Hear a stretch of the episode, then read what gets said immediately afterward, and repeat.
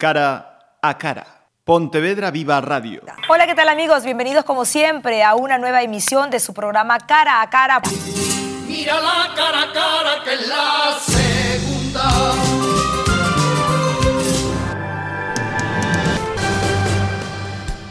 El mundo tiene un nuevo rostro. Cara a cara.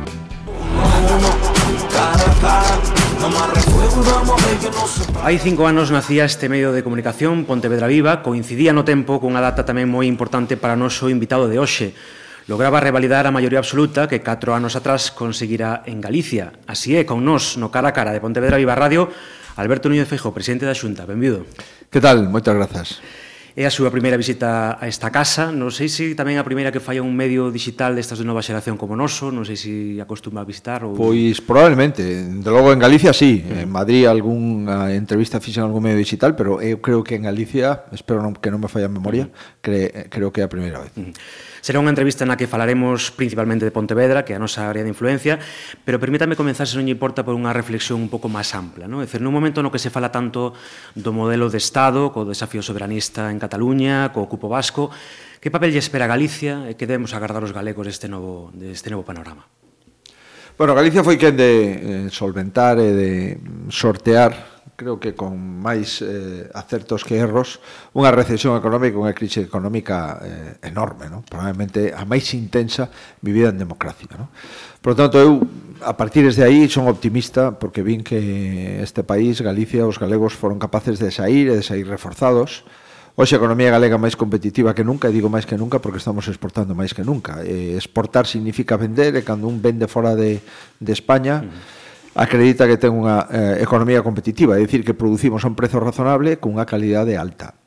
Por tanto, eh, optimismo, porque fomos capaces de facelo, é certo que quedan todavía cicatrices da crise, quedan todavía xente que non atopou emprego, xente que acaba de atopar empregos, pero que con os salarios moi eh, modestos, por tanto, quedan cousas por facer, no? Pero por concretar, eu son optimista cara ao futuro de Galicia, temos un problema estructural que o bellecemento da población, eh, eh, a, digamos, a perda de población, porque nacen poucos nenos, ese é o primer problema estructural, pero sobre como nos vamos a financiar, como vamos a evolucionar hacia o futuro, somos unha comunidade moito máis solvente que a maioría das comunidades autónomas do Estado, somos unha comunidade que ten un 6 por un 6 puntos menos en termos de PIB de débeda pública que a media das comunidades autónomas do Estado e, por tanto, a Galicia está nunhas condicións para afrontar o futuro desde o punto de vista de servicios públicos, desde o punto de vista de financiamento, mellor que a media de comunidades autónomas do Estado. Mm -hmm. Falando precisamente de financiamentos, e xa, xa vindo para, para Pontevedra, tras anos nos que eh, aquí na, a nivel local denunciábase que os grandes investimentos da Xunta centrábanse noutras cidades, Chegou a quenda de Pontevedra, o seu vicepresidente decía aquí mm, en Pontevedra recentemente que nunca se dera un compromiso tan grande de investimentos con esta cidade como, como vai a facer agora o goberno galego. Non? Certamente, non ninguén pode invertir o que non ten, eh, nadie pode gastar o que non ten, salvo que o deixemos a deber. Durante estes últimos anos Galicia estuvo traballando con os 2000 millóns de euros menos cada ano en termos de presuposto, No, No ano 2009 o presuposto eran 10800 millóns de euros, houbo anos durante os últimos de 8000, 8300, 8400, en definitiva tiñamos 2000 millóns de euros menos cada ano. Era moi difícil eh, chegar a fin de mes, e fomos quen Agora que os presupostos empezan a subir, agora que temos uns 9.400, aínda seguimos con máis de 1.000 millóns de euros menos que no ano 2009, pero a pesar diso, efectivamente, eh, este, esta legislatura para Pontevedra desde o punto de vista de investimento público xunta Galicia vai ser unha eh, investidura histórica, perdón, unha legislatura histórica. Por qué? Porque vamos a facer as grandes obras que tínhamos comprometidas. Primeiro, eh, o Gran Montecelo, facer un gran hospital do século XXI, con investimento importantísimo, estamos a falar eh, de 170 millóns de euros sin equipamento, e eh, estamos cumprindo o calendario e eu espero que no mes de decembro quede adjudicado xa o, o proxecto constructivo para a partir de aí, unha vez finalizado o proxecto constructivo, poder licitar a obra e cumprir o compromiso de que a finales do 18 e principios do 19 teñamos eh, ese hospital en plena expansión. Vamos a entregar a finales do 2018 a Cidade da Xustiza de Pontevedra, que é un compromiso da Xunta Galicia que está xa na fase última. Vamos tamén a entregar, espero, eh, a estación intermodal para que a estación de autobús e a estación do tren estén xuntas. Eh, será a primeira cidade de Galicia que tenga operativa a estación do ferrocarril e a estación de autobuses unida entre sí. Eh, vamos a, a construir outro tipo de infraestructuras como eh, o Ponte a Barca, o remodelaremos prácticamente eh, desde o punto de vista de seguridade viaria na súa totalidade. Temos un compromiso coa variante de Alba, que é un compromiso importante, de 5 millóns de euros. Temos que eh, facer o saneamento a Ría Pontevedra e eu pido colaboración dos concellos porque as depuradoras hai que facelas e para facelas hai que ter un lugar axeitado para poder ubicalas e vamos a, a seguir eh, construindo Pontevedra pero, insisto, son máis de eh, 200 millóns de euros nos próximos 4 anos E isto, desde o punto de vista de antecedentes, non coñezo eh, unha legislatura como esta. Temos ademais máis compromisos, porque temos que facer unha residencia de terceira idade, ¿no? e iso é moi importante. E nos gustaría poder dragar o río Lérez. Aí necesitamos o permiso de, de, de costas e tamén necesitamos o consenso entre as cofrarías. ¿no?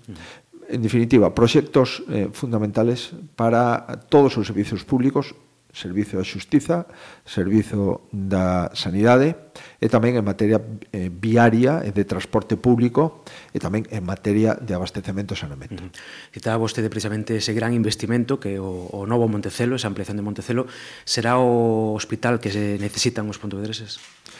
Sin dúbida, porque eh, vamos a manter o que está feito e ben feito, vamos a remodelar o que está feito e necesita actualización e vamos a construir unha, un edificio con unha superficie equivalente ao edificio que está construído xa. Por tanto, vamos a ter, en termos de metros cuadrados, aproximadamente o dobre de hospital que temos agora. Eso significa que a maioría das habitacións serán habitacións individuais, Eso significa que o bloque cirúrxico, os quirófanos se van a ampliar e vamos a ter máis capacidade cirúrxica e, por lo tanto, máis capacidade para baixar lista de espera e significa que todo o bloque de consultas externas, de urxencias, en definitiva, o confort hospitalario vai a subir de unha forma exponencial. No? Tenemos un grande hospital, eh, nos sentimos moi satisfeitos de poder respostar aos compromisos que asumimos nas últimas eleccións, cando nos presentamos no ano 2016, e Pontevedra nos deu un resultado de confianza hacia a nosa candidatura e esa confianza hai que devolvela con este tipo de actuacións. Eh, como lle podemos explicar aos pontevedreses eses oito anos nos que se debateu si Montecelo ou un novo proxecto que ao final desbotouse? Non? Pois é difícil de explicar. Nós tiñamos un plantexamento para facer un novo hospital en Monte Carrasco. Era necesario para facer ese monte hospital, ese novo hospital, dado que non había diñeiro no presuposto, facer un hospital eh, pago a plazos, como fixemos en Vigo. O Concello de Pontevedra, que nos tiña que eh, ceder os terreos, pois eh, considerou eh, a resposta como non, eh, por lo tanto, pois eh, tuvemos que esperar a ter crédito nos presupostos, crédito vixente para poder acometer a obra que o mm. cometaríamos fai unhos anos si eh, chegásemos a un acordo de facer o hospital e pagalo como pagan todas as familias. Cando invirten nunha casa e non teñen dinheiro pois aplazan o pago. Uh -huh bueno, eh, eso forma parte da historia, cada un ten as súas responsabilidades. Hoxe probablemente Pontevedra tería un novo hospital funcionando, bueno, eh, ese modelo non se considerou oportuno por parte da outra administración corresponsable que é o Concello, e nós, unha vez que xa tiñamos disponibilidade presupuestaria, pois plantexamos o modelo tradicional, que é licitar e ir pagando por certificación de obra de acordo co presuposto de cada ano. Non? Bueno, son dous modelos distintos. O primer modelo o fixemos en Vigo, ese hospital está funcionando, está, se está traballando, e ese hospital eh, hoxe por hoxe, é, sin dúbida, desde o punto de vista de infraestructura, o mellor hospital de Galicia, e probablemente entre os 5 ou 6 mellores hospitales de España. Bueno, eso forma parte do pasado. Cada un ten a súa propia opinión, pero certo verdade é que chegamos a un acordo, chegamos a un acordo no hospital, chegamos a un acordo cos profesionais, chegamos a un acordo co Concello e vamos a empezar, espero, a finales do 18 e principios do 19, a construir un gran Montecelo coa ampliación e unha edificación nova cerca, eh, pegada ao eh, actual hospital. Dentro deses proxectos que citaba vostede na, na relación inicial, ocupa un lugar importante esa, ese saneamento da ría, que tamén é un, un, un tema que leva, mm, fala, do que levamos falando moitos anos. É agora unha aposta prioritaria da Xunta ese saneamento? Sí, sin dúbida. Eh, estamos... Neste momento estudando eh, as infraestructuras que necesitamos. Son infraestructuras moi sensibles, estamos xogando co mar, estamos xogando, polo tanto, co medio ambiente eh, necesitamos todos os informes, non? Eh, a ría sempre ten dúas eh, ribeiras eh, Necesitamos na zona de Pollo un lugar aceitado para facer unha depuradora. Eh, Levamos xa bastante tempo falando disto. Pollo e toda aquela zona necesita unha depuradora E necesitamos un lugar que se facilite dentro do Concello de Pollo para construir a depuradora. Por, a, por esta parte necesitamos mellorar as instalacións que xa eh, levan o seu tempo en praceres eh, temos proxectos para facelo. Eh, nós eh, temos diñeiro, o que necesitamos exclusivamente son eh, viabilidade medioambiental, informes preceptivos evacuados e eh, chan necesario para poder construir depuradora ou ampliar depuradora. Neso estamos. Para eso necesitamos, sin dúbida, que os concellos que son os titulares do suelo colaboren. E eu non son pesimista en relación a este asunto, aínda que certamente o problema de Pollo eh, levamos moito tempo sin ninguna solución e o Concello de Pollo de momento non nos trasladou o lugar axeitado para facer esa depuradora. Eh, e iso é un, non é unha boa noticia. E sempre que se fala de saneamento, inmediatamente falamos tamén de, de Ence del Nosa. Decir, a primeira logrou a prórroga por parte do Costas, por parte do Goberno do Estado, A segunda, el nosa, está pendente. Cree vostede que vai a seguir o mesmo camiño que a primeira ou non? Vamos a ver o que dice Costas. Eh, é certo que eh, é determinante porque está nun territorio eh, de dominio público e, por tanto, é competencia Costas de dar ou non dar esas autorizacións. No caso de que das autorizacións, eh, el NOSA ten que cumprir todos os parámetros medioambientais. A compañía nos eh, notifica que quere quedarse, quere manter os postos uh -huh. de traballo, non quere desmantelar, non quere botar a xente a calle, quere quedarse aí e cumprir eh, os parámetros medioambientais. Nós, de entrada, sempre somos partidarios de non destruir postos de traballo. E, por suposto, no mesmo xeito de exixir a resposta a todos os interrogantes e a todos os requisitos desde o punto de vista medioambiental, por uh -huh. suposto. Por tanto, se si é posible equilibrar entre medio ambiente e postos de traballo, creo que é mellor que despedir a xente e perder unha industria que non escasean no Concello de Pontevedra. Lamentablemente, as industrias en Pontevedra non sobran, faltan. Por lo tanto, vamos a ver eh, que é o que propón Costas, vamos a ver se si con os requisitos el NOSA de cumplirse, eh, non sería malo manter postos de traballo sin dúbida. Uh -huh. Neste asunto o Concello sempre mantivo unha, unha posición férrea con, contra a permanencia deste complexo industrial. A Cotío dio o alcalde que sería a guinda da que lle falta para unha Pontevedra do século XXI. Non sei que lle parece estas palabras. Pontevedra ten que ser unha ciudad para vivir e unha ciudad para traballar. Se si en Pontevedra non temos traballo, pois a cidade non vai a, a, a mellorar, nin vai a, a subir, nin vai a crecer.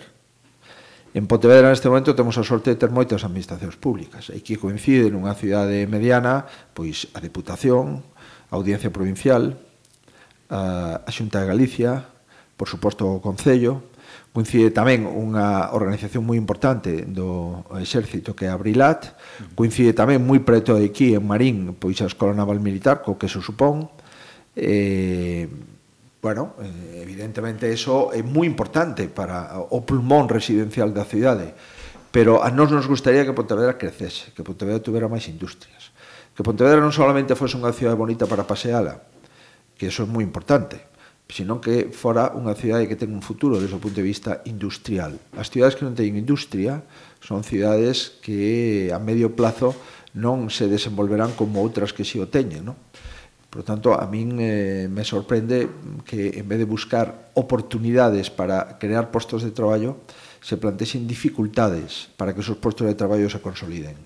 E o certo verdad é que a nadie lle gusta, se si poderamos volver a empezar, ter unha papelera eh, nunha ría, hai moitas papeleras noutras rías no mundo, ou preto dos ríos ou dos mares, a nós non nos gusta como galegos, pero o certo é que esa papelera supón emprego directo, e o tan importante como emprego directo para a xente que traballa ali, o em, a posibilidade de mercar a miles de familias que venden madeira a esa papelera.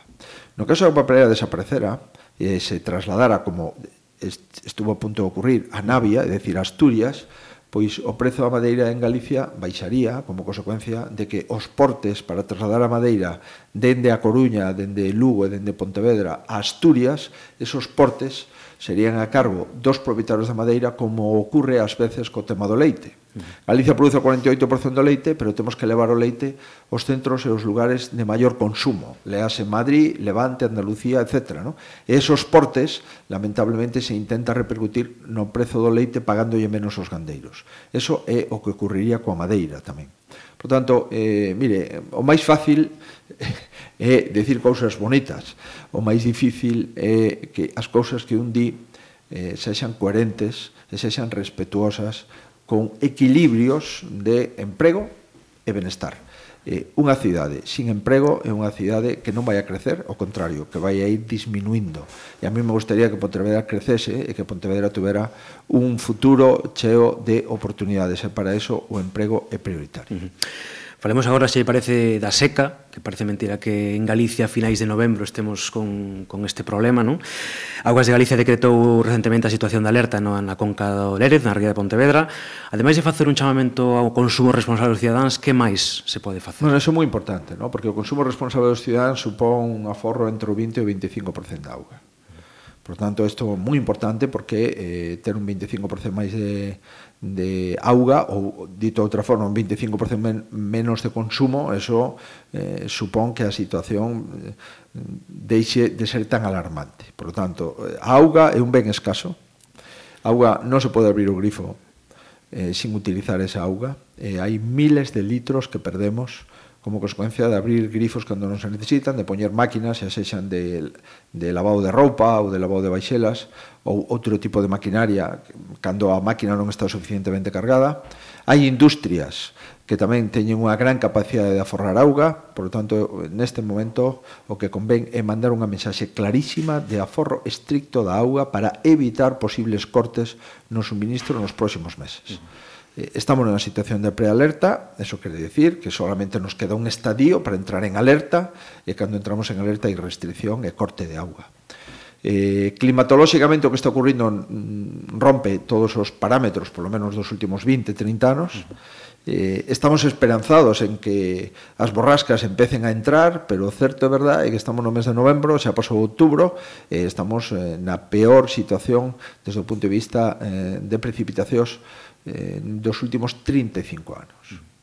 E desde o punto de vista de captación de agua nos, nas capas eh, do, do subsuelo, eh, pois, eh, na comarca de Santiago, e aquí non teño os datos, na comarca de Santiago acaba de salir un estudio que temo, estamos na peor situación dos últimos 60 anos.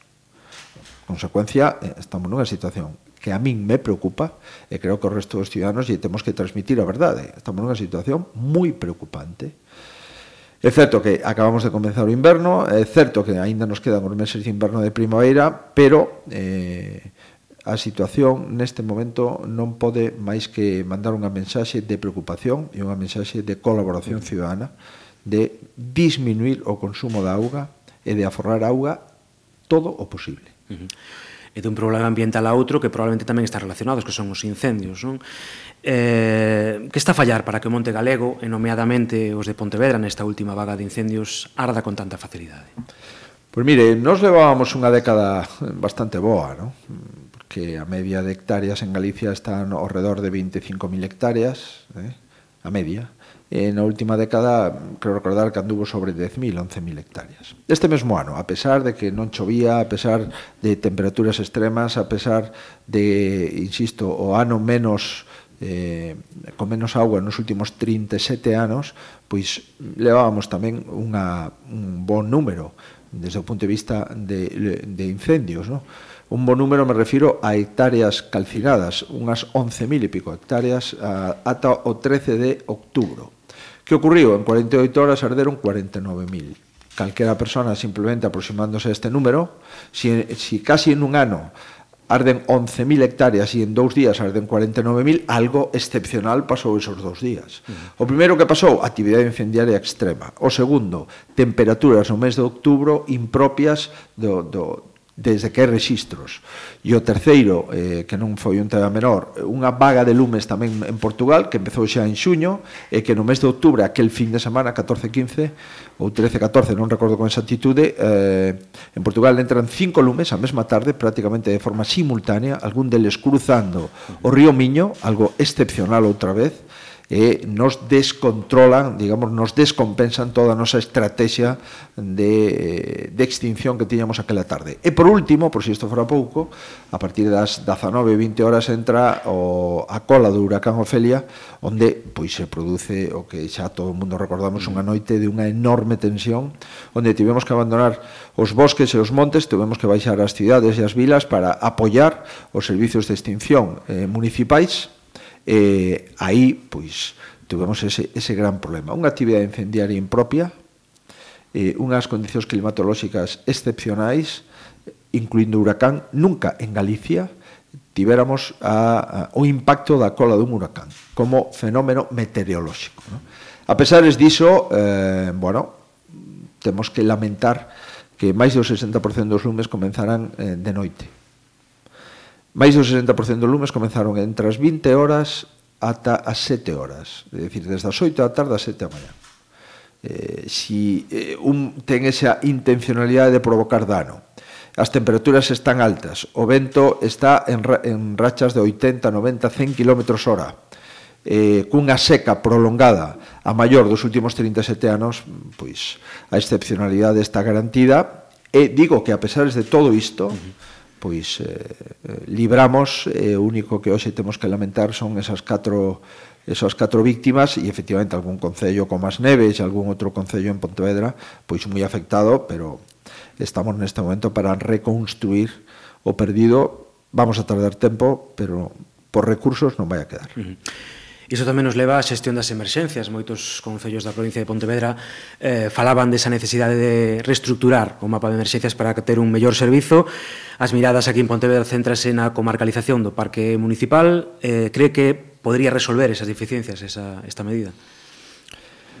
Mira, o primeiro que temos eh, cada un que cumplir as nosas obrigas. Do mesmo xeito que non ten ningún sentido que a Xunta de Galicia lle pida un concello que mm, lle axude a facer eh, ampliación dun hospital, salvo o suelo eh, axeitado, lóxico, pero non se nos ocurre a nós pedir dinheiro a un concello para eh, facer un servicio de anatomía patolóxica ou comprar unha resonancia nuclear magnética ou poñer quirófanos, non? Eso é unha competencia da comunidade autónoma.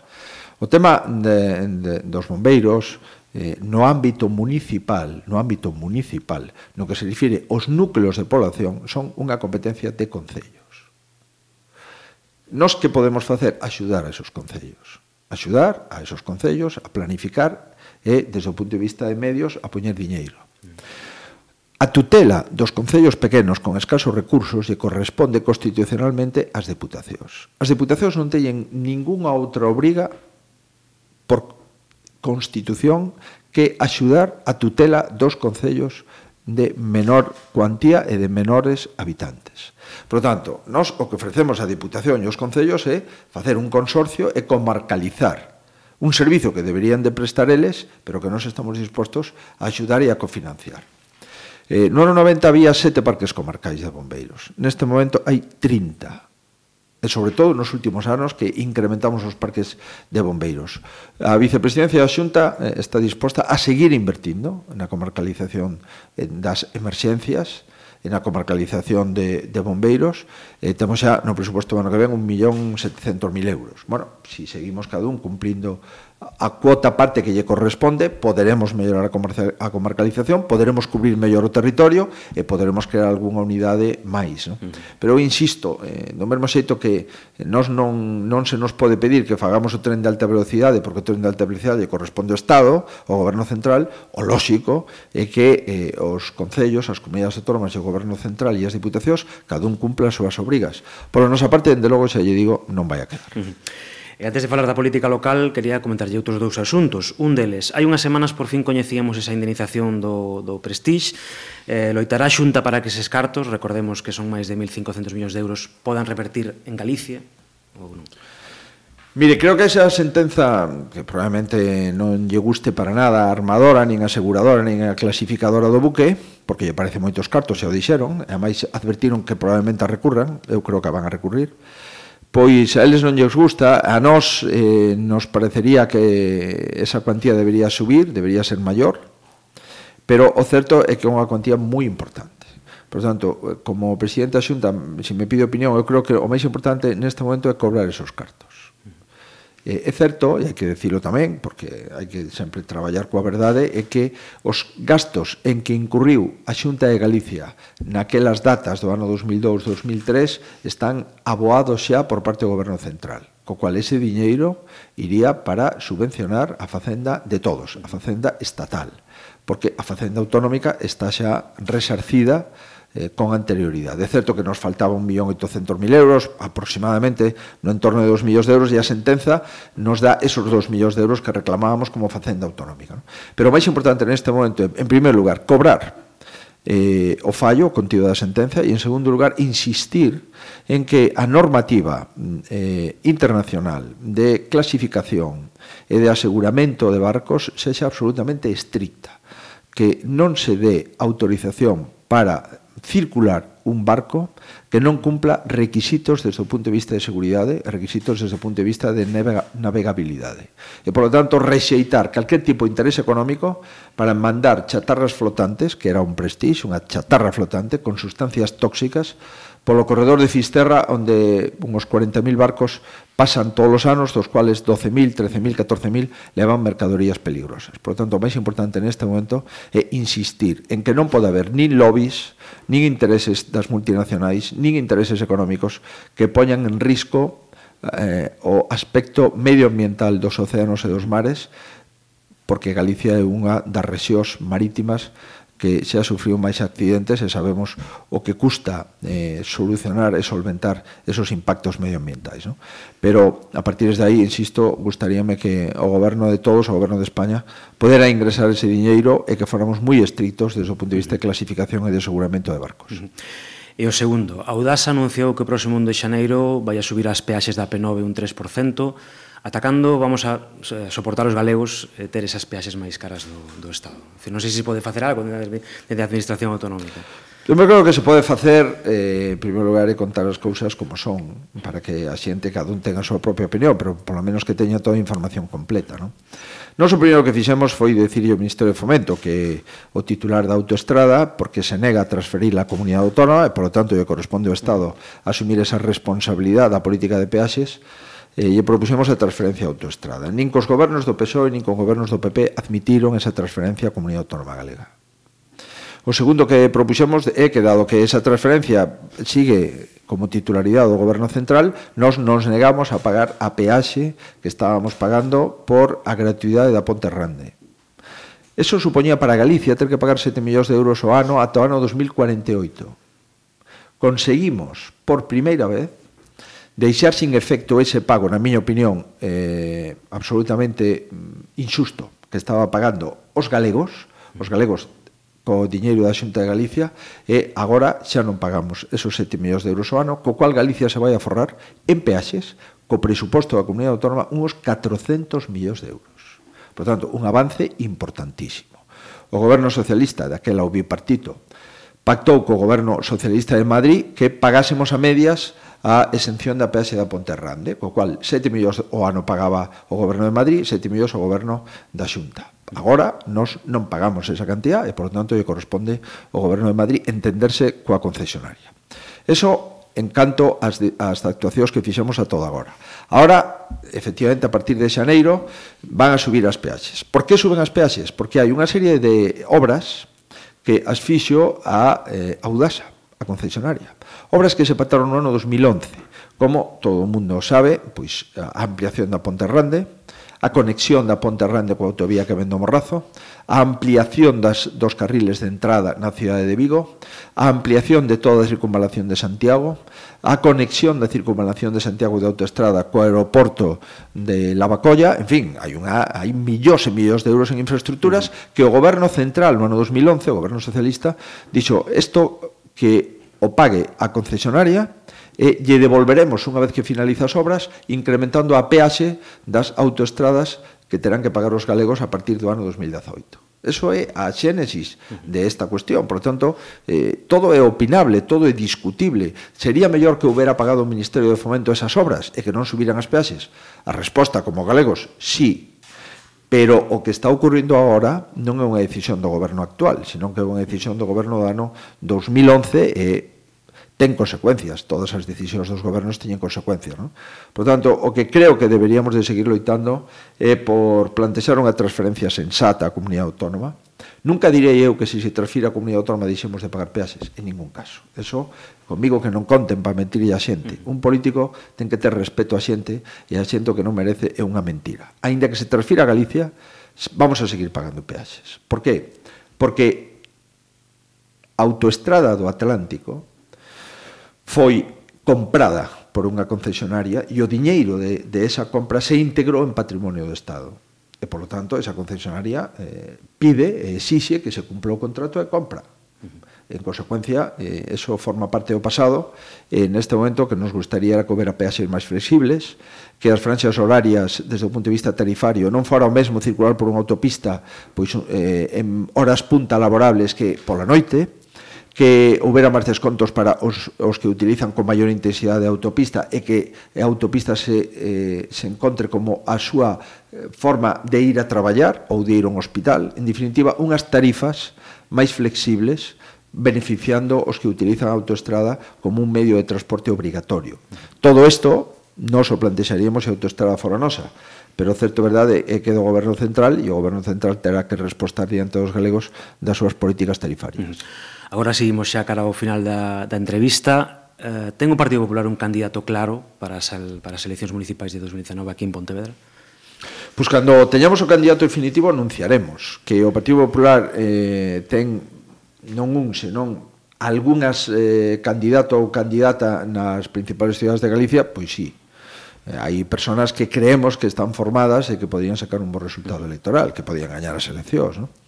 pero ao final temos que decidir por unha eh, nos próximos meses, con anticipación suficiente, pois diremos eh, a, a, o PP local de Pontevedra ou PP local de da Coruña ou PP local de Santiago, calquera, pois nos dará nos dirá cal é a súa proposta eh, o PP autonómico que é o responsable de nomear candidato en última instancia tomará a decisión que corresponda ¿no? pero neste momento creo que nas eleccións autonómicas de fai un ano demostramos que Pontevedra vota PP que maioritariamente Pontevedra votou o Partido Popular e, por tanto, se o Partido Popular pois elixe a un candidato ou unha candidata eh, que entronque coa sensibilidade dos ciudadanos de Pontevedra, podemos volver a optar a ter os mesmos eh, resultados ou superiores que no ano 2016, que nas autonómicas, non? Nese caso, o Partido Popular non só gañaría as eleccións, senón que se estaría acercando a maioría suficiente para gobernar. Uh -huh. Hai pouco o partido fixo unha enquisa aquí en Pontevedra, de, preguntábase por catro candidatos, Jacob Moreira, Lupe Murillo, José Manuel Valenzuela e José Benito Suárez Costa. Ten vostede algunha preferencia por algún dos catro? Pois mire, xa sabe vostede moitas cousas, como que fixemos unha enquisa, etc. Esas enquisas hai que avalialas. Eh? En primeiro lugar, lle corresponde avalialas ao Partido Popular de Pontevedra. E despois o Partido Popular de Galicia, no que eu xa pois teño eh, competencias e responsabilidades de presidente. Non? Por tanto, dixemos que Pontevedra faga a súa reflexión, escoitemos as reflexións de Pontevedra e tomemos decisións. Pero mire, como acredita a súa pregunta de se si temos candidatos, xa ve, pois se esa enquisa finalmente eh, se entrega, pois cando menos aí había catro candidatos. Por lo tanto, sí que hai personas que poden exercer, eu eh, creo que con bastante dignidade, unha alta responsabilidade que é ser alcalde ou alcaldesa dos pontevedreses. Certamente en Pontevedra levamos, non sei, pois máis de 20 anos co mesmo, eh, co mesmo modelo de cidade, Hai cousas que se fixeron ben, por suposto, pero Pontevedra hoxe non é unha cidade máis grande da que era ni Pontevedra ten un futuro desde o punto de vista industrial e desde o punto de vista de emprego máis despexado do que o tiña. Non? Por tanto, as cousas que se fixeron ben hai que recoñecelas, pero non creo que Pontevedra deba de seguir de forma eterna eh, plantexando o mesmo modelo, mesmas personas, mesma política. Eu creo que de, de vez en cuando un cambio, sobre todo cando as políticas están sofocadas e as políticas están, digamos, cansadas, evo eh, facelo. E permítame para rematar unha pregunta máis personal, sen entrar obviamente en intimidades, como está a levar a súa recente paternidade e como equilibra o seu tempo para poder cumprir con todas as obrigas. pois nada, é o mellor que das mellores noticias que tive na miña vida, non? Porque ver a, a unha persona que o teu fillo, pois evidentemente vostede pai. Non. No, bueno, pois xa o será, pero eso eu tardei moitísimo, quero dicir, vostede ten moitas posibilidades de ter moitos fillos eh, se si sigue o meu ritmo. Eh, quero dicirlle que que un é unha unha sensación que ninguén debería perderse se si pode, é o que podo dicir eh, pola miña parte. Que teño que facer? Bueno, pois teño que eh, chegar eh, máis tarde e salir un pouco máis temprano. Ao final, pero merece a pena, ¿no? porque ver como un fillo te mira, eu creo que merece a pena, inda que sexa dormir unha hora menos cada día. Eh, para min, dende logo, merece a pena. Para todos os pais e as nais estarían de acordo comigo en que merece moito pena. Alberto Niño de Feijó, un placer telo de visita nesta casa en Pontevedra Viva. Agardamos que non sexa a última vez. Moi ben, o placer foi meu e que siga vivindo Pontevedra. Moitísimas grazas. Despedímonos xa, grazas a todos os nosos ointes por estar aí unha semana máis no Cara a Cara de Pontevedra Viva Radio. Ata o próximo programa. Cara a cara, frente a frente outra vez. Buenas noches España, buenas noches Europa, buenas tardes América. Saludos cordiales a los que nos siguen a través de Internet desde cualquier parte del mundo. Gracias por confiarnos la organización de este debate cara a cara. Cara a cara. Pontevedra Viva Radio. Oh.